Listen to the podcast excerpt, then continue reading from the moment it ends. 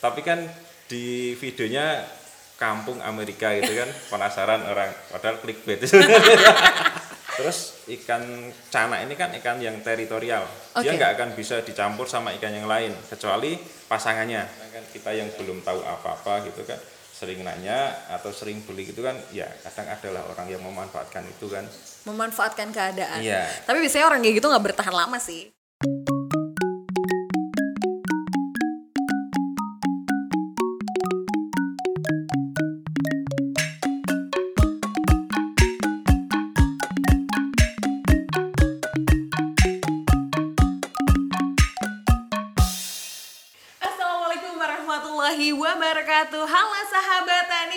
Kembali dengan Feby Hastala Vista Tapi sebelum memulai Feby mengucapkan Karena suasananya masih lebaran ya Minal aidin wa faizin Mohon maaf lahir dan batin. Wah udah lebaran. Pokoknya kita maaf-maaf ya Kalau banyak salah Feby selama ini. Dan saatnya Feby udah berada di salah satu youtuber di daerah Sleman, Yogyakarta. Dan juga eh, breeding ikan predator. Seperti apa dan bagaimana kita sambut yang meriah Om Sansan. Halo Om Sansan, gimana kabar? kabarnya? Alhamdulillah baik Sahabat Tani langsung eh, Om Sansan. iya, kalau sahabat Tani tahu banget Om Sansan punya channel namanya Sansan TV Iya, ya kan.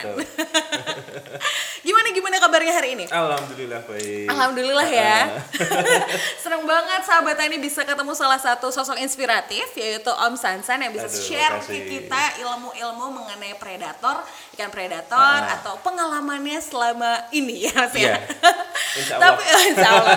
Tapi sebelum ke sana Fimi mau nanya juga nih, pernah Ah. nggak sih uh, fase di mana pernah mengalami masa tersulit di dalam hidup Pernah. dan pernah ya. Pernah. dan ditambah sulit lagi gitu. Entah Iya. kita udah sulit nih. Terus posisinya ditambah persulit lagi. Boleh cerita nggak share? Eh, dulu sih waktu ayah meninggal ya. Oke. ayah meninggal itu masih kelas 6 SD kelas 6 SD kelas 6 SD eh, ibu single parent kan akhirnya. Terus eh, waktu itu ya kita cuma ngandelin dari tanaman salak karena Oh, kan kita tinggal di Turi Oke. terus ngandelin tanaman salak dan salak nggak semahal waktu dulu. Ya ya itu akhirnya ya harus inilah ya, ibu harus eh, cari Berjuang akal, gitu iya ya. harus berjuang sendiri gitu. Sementara anaknya nakal-nakal semua. Cowok-cowok semua? Cowok-cowok semua. berapa bersaudara Ma- Tiga. Om Sansan? Oh tiga, bersaudara. Ah, tiga. Yang aku sama yang teh ini sering berantem Eh, kayak gitu ya Iya. tapi juga tiga Ah, bersaudara sama yang kedua tuh sebawaannya berantem. Terus fase tersulit yang kedua itu waktu merantau. Waktu merantau. Waktu merantau ya ya masalah anak muda sih. Oh, iya, iya. masalah percintaan lah. Gitu. karena sebelum merantau udah lamaran udah lamaran bubar. Iya. terus waktu itu di sana juga dipecat oke. Dipecat karena ya satu hal lah. Dan di sana kan sendirian nih di Amerika sana kelontang kelantung sendirian. Nggak ada temen udah banyak masalah tambah dipecat ya sudah. Pada saat itu fight untuk bertahan dan terus berjuang itu apa yang ada di hati dan Eh, pikirannya Om Sansan pada saat itu? pembuktian sih sebenarnya. Oke. Pembuktian kalau aku bisa gitu kan. Karena aku lihat juga yang lain bisa kok kenapa aku enggak gitu kan. Akhirnya ya sudah lama-lama ya sudah terbiasa akhirnya bisa bangkit lagi. Bisa move on Iya, lagi ya. alhamdulillah. lagi. dan sukses sahabat Tani ya. Sampai sekarang. Dan ngomongin soal tadi sempat ke Amerika gimana tuh mas perjalanannya dari Indonesia bisa ke Amerika dan balik lagi ke Indonesia? Awalnya itu aku kerja di kapal pesiar. Oke. di kapal pesiar selama hampir tiga tahun. Di sana jadi potato man potato potato man. Potato man itu jadi kerjanya ngurusin kentang. Oke. ngurusin kentang dan setiap hari bisa 300-400 kilo. Wah.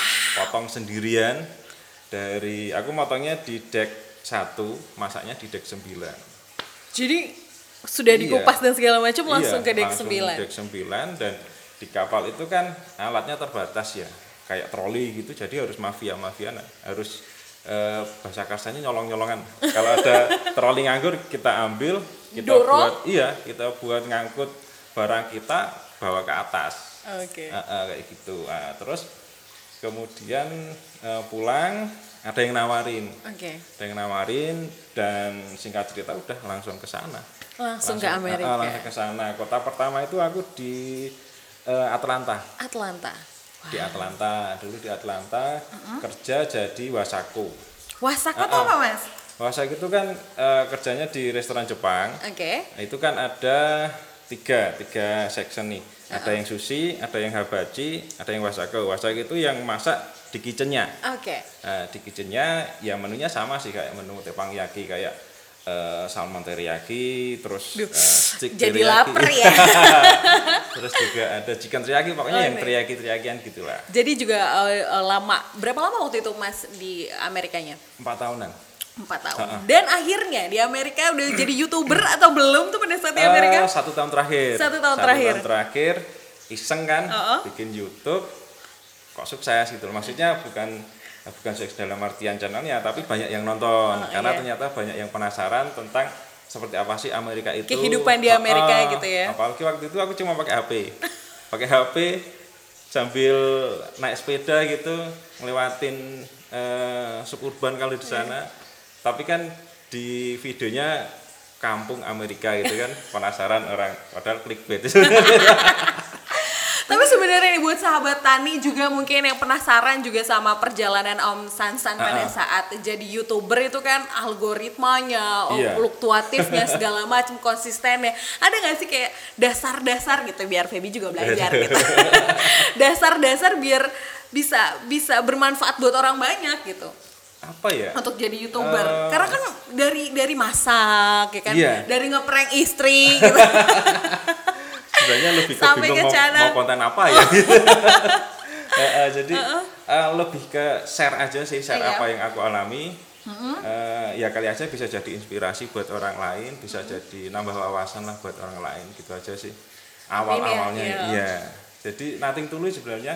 Karena kan dulu waktu itu ya cuma ini aja sih cuma buat ngisi kegabutan aja dan sampai sekarang pun juga ngeditnya cuma pakai eh, ini HP pakai KineMaster sekarang makanya nothing tulus aja sih Oke. Yang penting bisa menghibur ya, Iya. menghibur dan bermanfaat buat Ah, banyak orang. betul. Apalagi kalau sahabat Tani, ya kan, nonton eh, video terakhir mengenai koleksi dan jenis-jenis Iya. ikan cananya Ma- Om ah. Sansan nih. Bisa cerita nggak sih kalau jenis-jenis ikan cana tuh predator tuh ada apa aja mas? kalau tentang ikan cana ini kayak di belakang ini ini namanya maru, Maru. cana maruolides Oke. nah, terus ada juga cana asiatica itu dari Cina. Dari China Ah, juga ada. terus dari India itu ada auranti cana auranti maticulata terus juga ada eh, stewarti ada bleheri ada Wah, andrau banyak juga ya. banyak sebenarnya. Banyak jenis-jenisnya. dan di Indonesia sendiri ini ada eh, berapa ya? Empat apa lima gitu ya. Ada Cana Marulides ini dari Kalimantan ada juga dari Sumatera terus juga ada Cana Limbata Cana Oke. Limbata itu yang eh, banyak banyak orang nyebutnya ada yang cikotes ikan bogo kalau tahu Iya. Ah, ah, itu tersebar di mana-mana ada bangkanesis terus eh, melasoma juga ada sebenarnya banyak Banyak sekali ya jenis-jenisnya. Ah, ah. Dulu dari YouTube akhirnya bisa ketemu ikan cana tuh jodohnya gimana tuh mas ceritanya? Nah, waktu itu kan eh, sebelum main Cana itu kan aku buka warung Indomie ya. Oke. Warung Indomie di situ banyak orang nongkrong, banyak teman-teman nongkrong, kenal orang baru dan hobinya juga tentang ikan cana kayak gini. Nah, kebetulan ngobrol, ikut ngobrol jadi seneng. Jadi seneng. Nah, jadi seneng, akhirnya nyoba piara satu.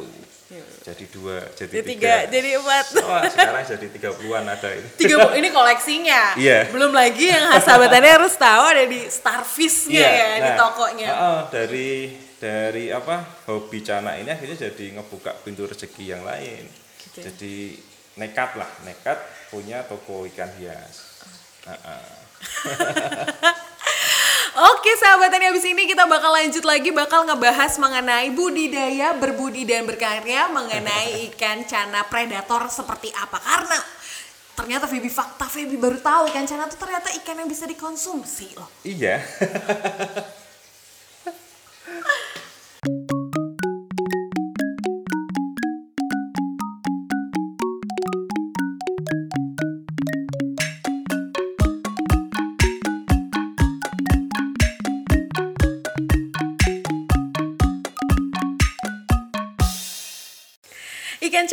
cana merupakan ikan predator yang Feby tahu nih, Iya. yang lagi happening banget di Iya. masa pandemi ini Ah. gitu. Dan baru tahu juga kalau misalnya bisa dimakan gitu. Bisa. Biasanya kan ikan hias tuh jarang untuk Iya. dikonsumsi, Ah, ah, bener gak sih mas? ah, ah. Tapi emang ikan cana ini kan ikan gabus ya. Oke. Awalnya kan emang buat konsumsi. Oke. Buat konsumsi, cuma akhirnya ditaruh di kayak akuarium gini ternyata hasilnya bagus. Iya, Apalagi yang kayak gini ya. Iya. Ini kan Wah Eksotis aktif ya. lah namanya. Iya Iya. ya bener-bener cantik gitu Ah, ya dari. terus juga sama sama tangan itu bisa responsif kayak gini kan nyenengin gitu kan. Tapi awalnya ya memang ini buat konsumsi. Oh awalnya memang buat iya, konsumsi. sama lah kayak dulu ikan arwana ya. Arwana? Kalau- iya, ikan arwana kan dulu Eman-eman ya mas kalau mah. Iya, kalau dulu emang buat konsumsi Oh, kan, iya, nah. buat konsumsi. Sisiknya kan gede-gede buat ditempelin di sini ceritanya dulu Iya. ya. Nah, jadi ikan hias sekarang. Oke, Ah, Oke, ikan cana tuh jenisnya banyak dan salah satu apa eh, salah satu ikan predator yang lagi happening banget. Apalagi Iya. Mas udah sekitar dua tahun yang Dua lalu. tahun lah ya. Dua tahun yang lalu. Bermula dari ngobrol-ngobrol, ya kan di Iya. angkringan atau tempatnya Mas usaha gitu.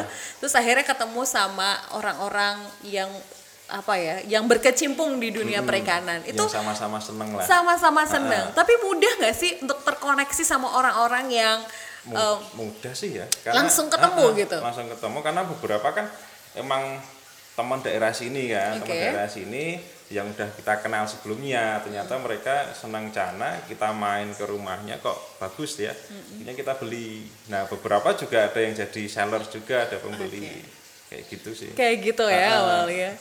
Terus berapa tuh awal waktu beli ikan cana pertama kali di dua tahun yang lalu? Itu cana maru kayak gini Iya. ukuran 20-an senti itu aku masih ingat 140 ribu 140 ribu satu ekornya. satu ekornya sekarang masih Masih segitu, sekarang masih segitu harganya. Ah, enggak Enggak. kalau harganya ya mungkin udah di atas 500an lah kalau sekarang Wow, Ha-ha. kalau amazing ya. sekarang itu masih eh, ikan cana maru pertamaku masih ikan cana maru keduaku masih yang di depan rumah itu cana maru kedua yang cana maru pertama aku taruh di kolam Ditaruh di kolam. Wow. karena nggak ada tempat lagi Oke, ini tempat lagi karena banyak banget ya sahabat tani. Kalau ikan cana tuh karakternya seperti apa sih selain agresif dan Ah. dia kalau ngeliat tangan tuh langsung pengen Kalau- nyaplok bawaannya. jadi macam-macam sih Macam-macam ya? karakternya. iya jadi ketika kita miara itu kan kita harus tahu karakter ikannya Iya, tiap, betul. tiap ikan itu karakternya beda-beda Betul. ada yang gini ini kan banyak orang misalnya Iya. banyak orang dia akan mager mentalnya akan jatuh. Ada yang seperti ini dia tetap aktif. Terus ikan cana ini kan ikan yang teritorial. Dia Oke. nggak akan bisa dicampur sama ikan yang lain kecuali pasangannya. Eh, walaupun Oke. sudah pasangan pun biasanya dia akan bertengkar seperti bom waktu lah. Oh, Nah, cuma ikan kayak gini kan ikan teritorial dan ya dia akan kalau udah udah menguasai lingkungannya dia akan bagus mentalnya. Oke. Nah, ah, seperti itu sih. Tapi kalau Feby lihat nih ya sahabat tani ya kan kalau misalnya lihat akuarium biasanya kan ada ada filternya, Iya. ada area areatornya Ah, ah. gitu kan. Kok i- di ikan cana justru ini kayaknya sepi-sepi aja iya. gitu. eh, karena ikan cana ini kan sistem pernafasannya sistem labirin ya. Oh, labirin. Jadi dia kayak bahasa Jawa ini ngecelop. ngecelop. Jadi kayak lele gitu kan. Ya. Dia ngambil udara ke atas buat ini Ambil oksigen, eh, Iya, oksigen, oksigen, buat iya. bernafasnya gitu. Makanya aman, nggak pakai aerator, nggak pakai filter pun dia aman. Nah, makanya yang bikin aku seneng itu kan dia nggak perlu kayak gitu. Oke. Jadi ngirit juga. Eh, iya, iya. Meminimalisir ngirit. biaya. Dan ketika mati listrik juga kita Nggak- nggak nggak deg-degan. Iya betul. kita nggak deg-degan. Eh, biasanya kan kalau kita miara kayak arwana, kayak Koi. peacock bass, koi, itu kalau mati listrik udah kita bingung kan. Sedih lah Ah, ah, pokoknya. lebih dari 5 jam, 8 jam biasanya udah gini. iya iya bener ya. Iya. Makanya kenapa aku banyak miara cana ya selain eh, senang juga ngirit. Ngirit juga Ngirit ya. juga. Tapi memang ikan cana tuh karakternya di akuariumnya memang tidak tidak dihias ada batunya atau misalnya kayak kayak ada Sebenarnya- tanamannya atau memang mereka nggak cocok gitu untuk Sebenarnya banyak tanaman. selera kita sih, karena juga Oke. banyak yang di set biasanya model biotop.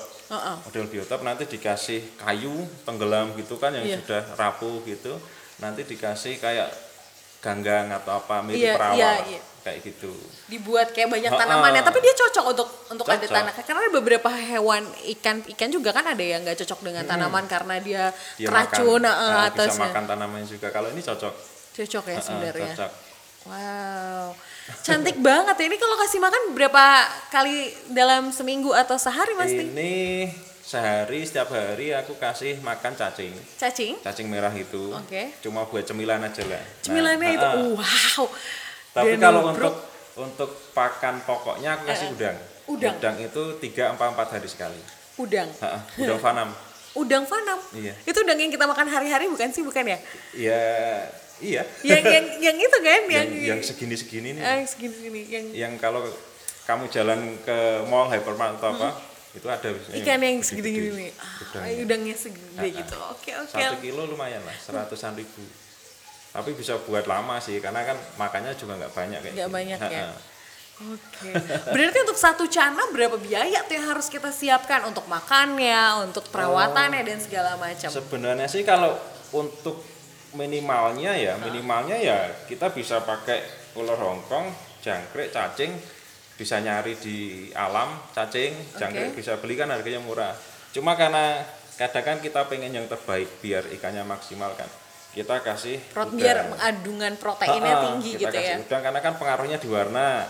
Sementara kalau cacing jangkrik itu kan proteinnya tinggi pengaruhnya di bunga. Bunganya Nah, bentuk bunga ha-ha. siripnya itu ya. Tapi kalau untuk satu bulan sih untuk satu ini nggak sampai 50-an ribu lah. Oke. Ya karena makanya juga jarang cuman belinya aja nih sahabat tani yang agak mahal kalau untuk yang yang seperti ini lumayan lah Tapi, lumayan ya tapi kalau untuk yang yang baby ukur 10 senti ya masih terjangkau lah Masih terjangkau. Ha-ha. tapi sebenarnya kalau ukuran cana itu sampai sebesar berapa sih dan sampai umurnya berapa tahun rata-rata ya rata-rata itu 70 sampai 80 cm Oke. di alam liarnya ya Di 70 alam liarnya. sampai 70 sampai 80, 40 cm. cm itu udah paling besar Iya, di alam liar yang yang aku dengar ya. Karena kan aku juga nggak tahu aslinya di mana kan ya cuma dari dari dengar Dengar, ini aja ya para senior gitu. Cuma kalau untuk di tank dari kecil gitu ya paling seginilah 60-an cm kayaknya udah maksimal. udah maksimal ya Karena kan eh, pengaruh apa ya pengaruh tanknya ini kan juga pengaruh banget untuk pertumbuhan pertumbuhan badannya pertumbuhan badannya. Oh, Karena aku oke. juga punya, aku sudah miara satu setengah tahun dari ukur 15 cm, aku taruh di tank 20-an, 25 cm itu. Eh, paling tumbuh sekarang cuma 17-18 cm sekarang. Oke. 17 sampai 18 Iya, cm. jadi tank ukuran tank itu mengaruh juga sama pertumbuhan ikannya. Oh makanya nih sahabat tani kalau kita bisa lihat ke sebelah kanan itu ada tank besar itu mungkin salah satu eh, alasan biar si ukuran cananya tambah besar atau Iya, gimana waktu itu? eh, Lebih ke ini sih biar nggak monoton ke cana aja sih. Oke. Eh, eh, karena kan yang itu tak buat buat ikan predator nantinya. Sebesar itu ya? itu berapa kali berapa sih mas kayaknya tuh? Ini kalau semuanya ini Iya. empat panjang 48, eh, lebarnya 2,1. 2,1. Nah, cuma untuk kolamnya sendiri ya sekitar satu setengah kali 48 lah. Iya. Bagus sahabat tani luar Cuma belum biasa. jadi. belum jadi. Belum jadi ya mas, nggak apa-apa. Nanti kita tunggu ya kan jadinya seperti Iya. apa dan bagaimana. Terus kalau ngomongin soal berarti yang lagi happening sekarang juga Feby dengar-dengar ada kontes-kontes juga. Iya, ha-ha. Ada kontes cana dan eh, Yogyakarta merupakan salah satu pertama kali kontes Iya. ikan cana di Indonesia. Ha-ha. Itu sekitar satu setengah tahun yang lalu apa ya? Dulu Oke. di Pasti. Oke. Di Pasti Donggelan itu Ha-ha. Nah, yang juara itu waktu itu ada punyanya Mbah Diro. Terus ada yang satu itu akhirnya tak ambil. Tak ambil cuma sekarang udah ke Jakarta, udah laku. Hmm. Udah laku. Nah, setelah Sudah diikhlaskan iya, gitu ya. Setelah kontes pertama itu akhirnya mulai bermunculan nih sampai sekarang hampir 2-3 bulan sekali ada kontes cana di Wow. berbagai daerah. di berbagai daerah. Jadi sebenarnya nilai selain nilai ekonomisnya tinggi juga pasarnya luas sekali ya Mas. Iya, ya. Om Sansan ya. Oke oke oke. luas mas. Jadi eh, karena kan apalagi satu terakhir masa pandemi ini. Ini cana itu lagi naik naiknya lagi naik naiknya terus banyak banget yang miara cana akhirnya. Dari anak kecil sampai orang dewasa semuanya miara cana Miara cana ya. Padahal nih yang Feby pikirin ketika memelihara ikan cana adalah kegigit nggak ya untuk pas nguras gitu pas nguras Ah, eh, akuarium sering sih sering kan? Sering.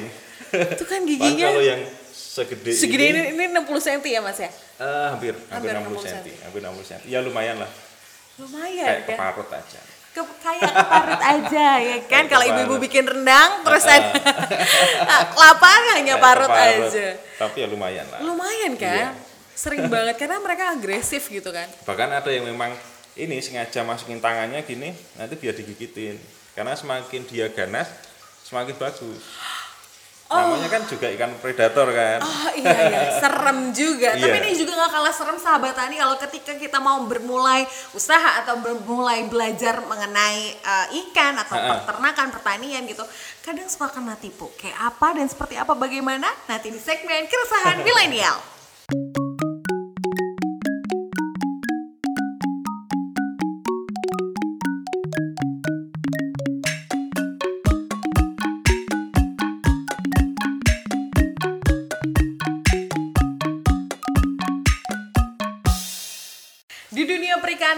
Biasanya nggak hanya dunia perikanan sih, cuman Iya. kita lagi ngebahas tentang dunia perikanan yang kayaknya nih kalau belum ketipu tuh kayak belum jadi sukses atau Iya. belum jadi berkembang atau belum jadi pinter. Emang harus gitu dulu ya mas ya? Eh, ya ada fasenya Ada kan. fasenya, Ada ya. fasenya. Kadang kan kita yang belum tahu apa-apa gitu kan sering nanya atau sering beli gitu kan ya kadang adalah orang yang memanfaatkan itu kan Memanfaatkan keadaan. Iya. Tapi biasanya orang kayak gitu nggak bertahan lama sih. betul Iya kan? Eh, dulu malah eh, awal-awal aku tanya tentang proses maru kayak gini ya tentang cara progresnya itu kan ada yang disuruh pakai air gula. Air gula. Eh, air gula. Padahal ada aeratornya akhirnya jadi mumpluk berbusa. Oh, berbusa. Terus ada juga yang biasanya sih kalau yang penipuan ini yang jual beli online. Lebih kepada jual beli Iya, online. jual beli online. Karena kan biasanya pembeli itu transfer dulu ke Ba- penjual baru barangnya baru datang. barangnya dikirim Oke. nah ada yang barangnya nggak dikirim-kirim ada yang barangnya itu ikannya maksudnya sampai ke tempat kita ikannya beda Ikannya beda. Nah, makanya sekarang ada yang namanya rekber Rekber tuh apa mas? rekening bersama Oh rekening Nah, bersama. Jadi sistemnya misalnya Mbak Feby nih mau beli ikan kan, aku jadi rekbernya. Nah, oh, jadi kayak e-commerce ya? iya kayak ya kayak yang, yang yang di ada marketplace gitu iya yang ya. ada yang warna oranye yang warna hijau hijau gitu kan Iya kayak gitu. Jadi Oh. nanti uang kita kalau mau beli uang kita dimasukin ke rekening bersama dulu nih. Nah, baru penjualnya ngirim, penjual ngirim setelah tempat kita ikan oke nggak ada masalah ya udah uang baru dirilis ke penjual. nah biasanya gitu untuk biasanya gitu ya. untuk meminimalisir Betul. terjadi kayak gitu karena kayaknya kenapa sih kita untuk kan itu udah kejadian kayak gitu kan sudah berulang-ulang gimana caranya kita menanggulangi atau Iya. meminimalisirnya gitu Ah, ah. ternyata sekarang malah udah ada yang seperti e-commerce Iya. kayak gitu ya mas Ah, ya Rekber biasanya perseorangan sih. oh perseorangan Perseorangan. Biasanya gitu. Terus cuma yang agak susah itu saat ini kan ada yang jual baby cana. Jual baby Ah, channel ah, jadi baby ukuran 2 cm 3 cm gitu. Oke. Biasanya ada cana asiatica. Asiatica itu kan ada tiga jenis ya kalau Oke. aku boleh cerita. Boleh. Ada red strip, red spot, white spot. oke Nah, biasanya kalau ukuran kecil itu kan susah untuk Nggak kelihatan, membedakan. Iya. ya. ha-ha. jadi ada yang nyari WS, white spot, eh, di ininya yang Dan silangan. datangnya datangnya beda. beda gitu Nah, ada yang nyari red strip misalnya, red strip itu yang kemerah-merahan, datangnya WS, beda. Nah, ada lagi yang stewarti. Stewarti itu kalau kecil dia mirip sama baby cana limbata. Nah, ada yang belinya itu stewarti, gedenya jadi cana limbata. Padahal harganya lumayan itu. lumayan ya mas Lumayan. berapa sih harga range harganya kalau untuk Eh, baby baby Kalau sekarang ya ukur ukur 2 lima- cm oh ya 2 sampai 5 6 cm lah ya. 5 6 cm itu ya masih sekitar 200 300-an lah per ekornya per ekornya. wah fantastis ya harganya ya Kalau 12 13 ya 300 sampai 400 lah, 12 13 cm ya. Makanya ya agak ini juga ya banyak orang yang akhirnya menipu karena kan nilai ekonomisnya tinggi. Apalagi untuk breeder itu kan juga lumayan itu iya menguntungkannya luar Iya. biasa ya. Heeh. oke. Wow. 200 ribu bilang langsung wow. Oke oke oke Tapi ada nggak sih mas selain eh, selain apa namanya selain kita beli beli offline yang tentunya bakal ketemu sama penjualnya yang dapat dipercaya gitu dengan dengan dengan sharing ilmunya. Itu kalau untuk meminimalisir eh, pembelian yang seperti itu selain dari yang Weber tadi gitu, ada lagi nggak sih apa pemikiran atau ide gagasan dari Om Sansan biar pasarnya tuh bagus nih, tapi nggak nggak musiman bisa long last gitu. Eh, itu kenapa ada kontes ya? Oke. Karena kan kontes itu juga salah satu upaya para penghobi untuk nyebarin ke masyarakat luas. Apalagi Oke. sekarang kan kontes-kontes cana itu kan masuk di mall. Iya. Yang notabene lebih apa ya lebih banyak orang datang. Dateng, Nah, gitu ya, Nah, salah satunya itu. Terus juga eh, dengan adanya youtuber-youtuber cana. Kalau dulu mungkin dua tahun yang lalu cuma ada beberapa ya termasuk Sancan TV ada bos-bosku ada juga beberapa yang lain nah sekarang ini sudah mulai banyak, Sudah mulai yang banyak. membahas cana Dan memperkenalkan ya, Betul. salah satunya ini Tani. Betul, nah itu ya mungkin apa ya jadi salah satu Wadah juga wadah ya. juga. buat Nah, pemberian uh-uh. informasi ke mereka biar Betul. bisa kita shortcut lah nggak ya kalau misalnya nggak ketipu nggak ketipu banget Iya. atau misalnya bisa belajar jadi bersama makin gitu makin banyak informasi yang bisa kita dapat para pemula dapat terus juga biasanya kita belinya itu di seller-seller yang sudah terpercaya iya Ah, sih gitu. betul jadi ya biar nggak ketipu aja bener sahabat Tani ya yang mau ngobrol share gitu ya Heeh. yang jangan eh, memberikan informasi yang kurang tepat tapi memang kalau setiap orang tuh punya caranya masing-masing ya Om Iya, Sansan betul. untuk untuk piara Heeh. sesuatu atau breeding sesuatu gitu punya punya own self way Ha-ha. gitu ya punya jalannya Punya- sendiri punya gitu sendiri sendiri sendiri-sendiri. sesuai dengan sesuai dengan Lingkungan, karakter gitu ya. lingkungannya betul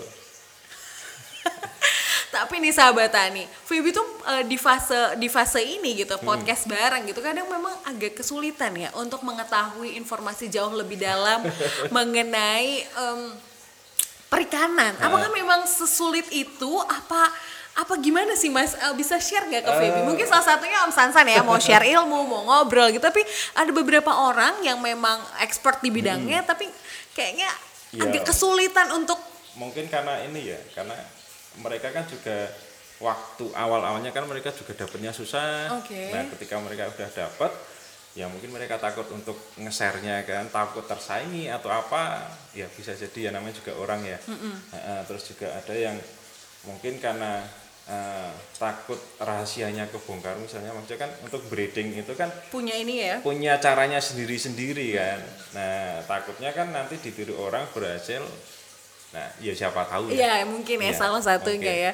Tapi padahal Feby berpikirannya ketika sudah bisa share ilmu, orang sudah pasarnya sudah terbangun, jadi nggak nggak musim-musiman Ha-ha. gitu loh mas pengennya gitu. Ya, mungkin Biar mereka bisa jadi pendapatan ini, tetap kita buat generasi muda. Takutnya kan kayak dulu gelombang cinta.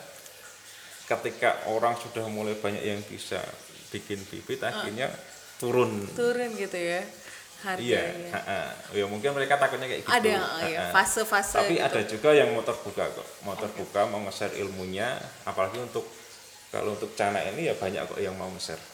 Oke.